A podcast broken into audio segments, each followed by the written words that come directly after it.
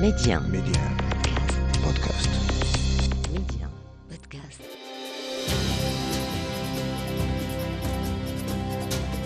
قبل 42 عاما في أكتوبر 1981 مر شهر على التحاقي بميديا قادما من الصحافة المكتوبة سنة بعد تأسيس الإذاعة في الثامن من سبتمبر 1980 وكما أشرت إلى ذلك في حلقات سابقة كان بث ميديا على مستوى النشرات الإخبارية منحصرا في الموجزات ونشرات رئيسية في المساء والليل.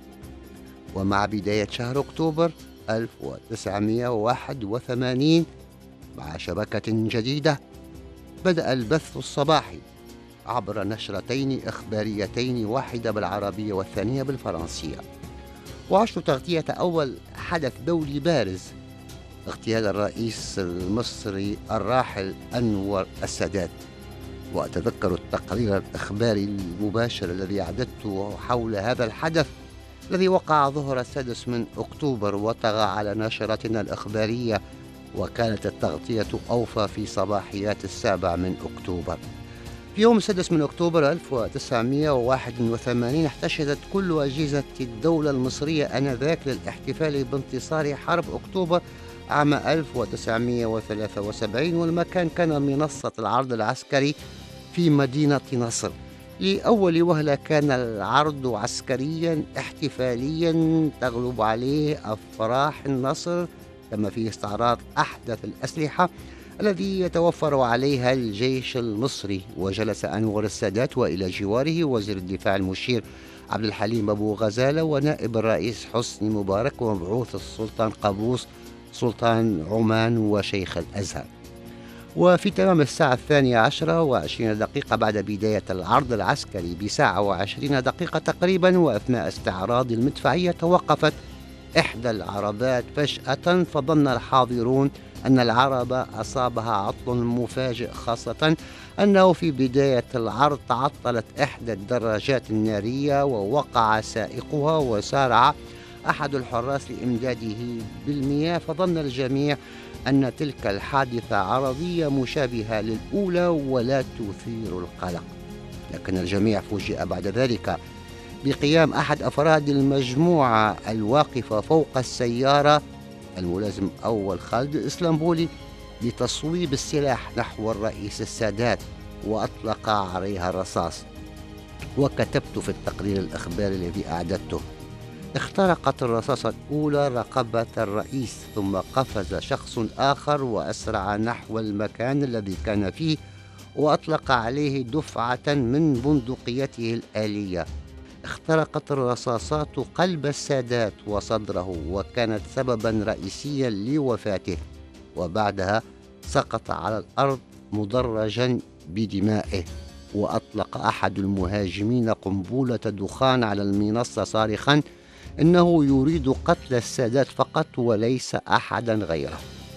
جرى العرض العسكري احتفاء بالنصر في حرب السادس من أكتوبر 1973 في أجواء ساخنة على كل الأصعدة نظرا لزيارة السادات لإسرائيل وتوقيعه معاهدة السلام المنفردة معها معاهدة كامب ديفيد ما أدى إلى قطع كل الدول العربية تقريبا علاقاتها مع مصر. ونقل مقر الجامعة العربية من القاهرة إلى تونس وتولى أمانتها العم الشاذلي القليبي وسط معارضة داخلية لسياسة الرئيس والانفتاح الاقتصادي ومعاهدة السلام مع إسرائيل.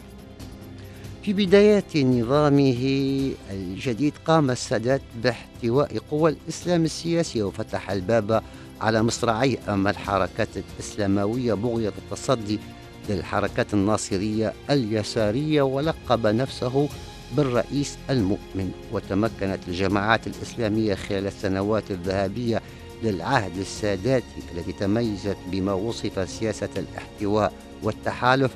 تمكنت من تأسيس شبكة علاقات ومصالح واسعة وبنية تحتية قادرة على إرهاب النظام. لكن سرعان ما انهارت هذه العلاقة الحميمية بين النظام والإسلام السياسي. في شهر سبتمبر 1981 كانت كل القوى السياسية والدينية في مصر في حالة خصومة مع السادات وجاء خطابه الأخير في الخامس والعشرين من سبتمبر قبل أحد عشر يوما من اغتياله في السادس من أكتوبر وكان خطابا عنيفا صب فيه جام غضبه على كل من حوله ولم يخلو الخطاب من السخرية والتهديد وأحيانا زلات اللسان. وقال في هذا الخطاب الأخير الذي وصف بأنه الأخطر في تاريخه أنه تم اعتقال 1563 من رموز المعارضة السياسية والمحرضين على الفتنة الطائفية في البلاد.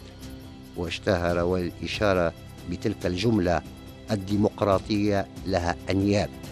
حملة الاعتقالات الواسعة شنت في الثالث من سبتمبر ووصفت بعملية الانقباض الكبرى واستهدفت كل الخصوم دفعة واحدة وأبرز رموز التيارات السياسية والفكرية والصحفية والدينية وأراد السادات تسويق خطابه كثورة جديدة على حد وصف الصحف القومية وكحرب ضد الفتنة الطائفية كما عبرت عن ذلك أخرى.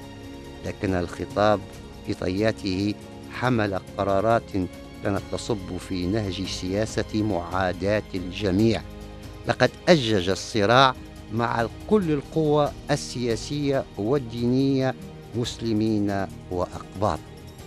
بعد إصابته في المنصة نقل السادات إلى مستشفى المعادي العسكري بالقاهرة وكانت شبكة سي بي إس الأمريكية أول جهة تعلن نقلا عن مصادر في المستشفى موت الرئيس. ولم تعرف جماهير الشعب المصري أن رئيسها قد اغتيل إلا بعد أن أذاع راديو مونتي كارلو الذي ارتبطت به ميديان في علاقات تعاون بأن السادات قد قتل.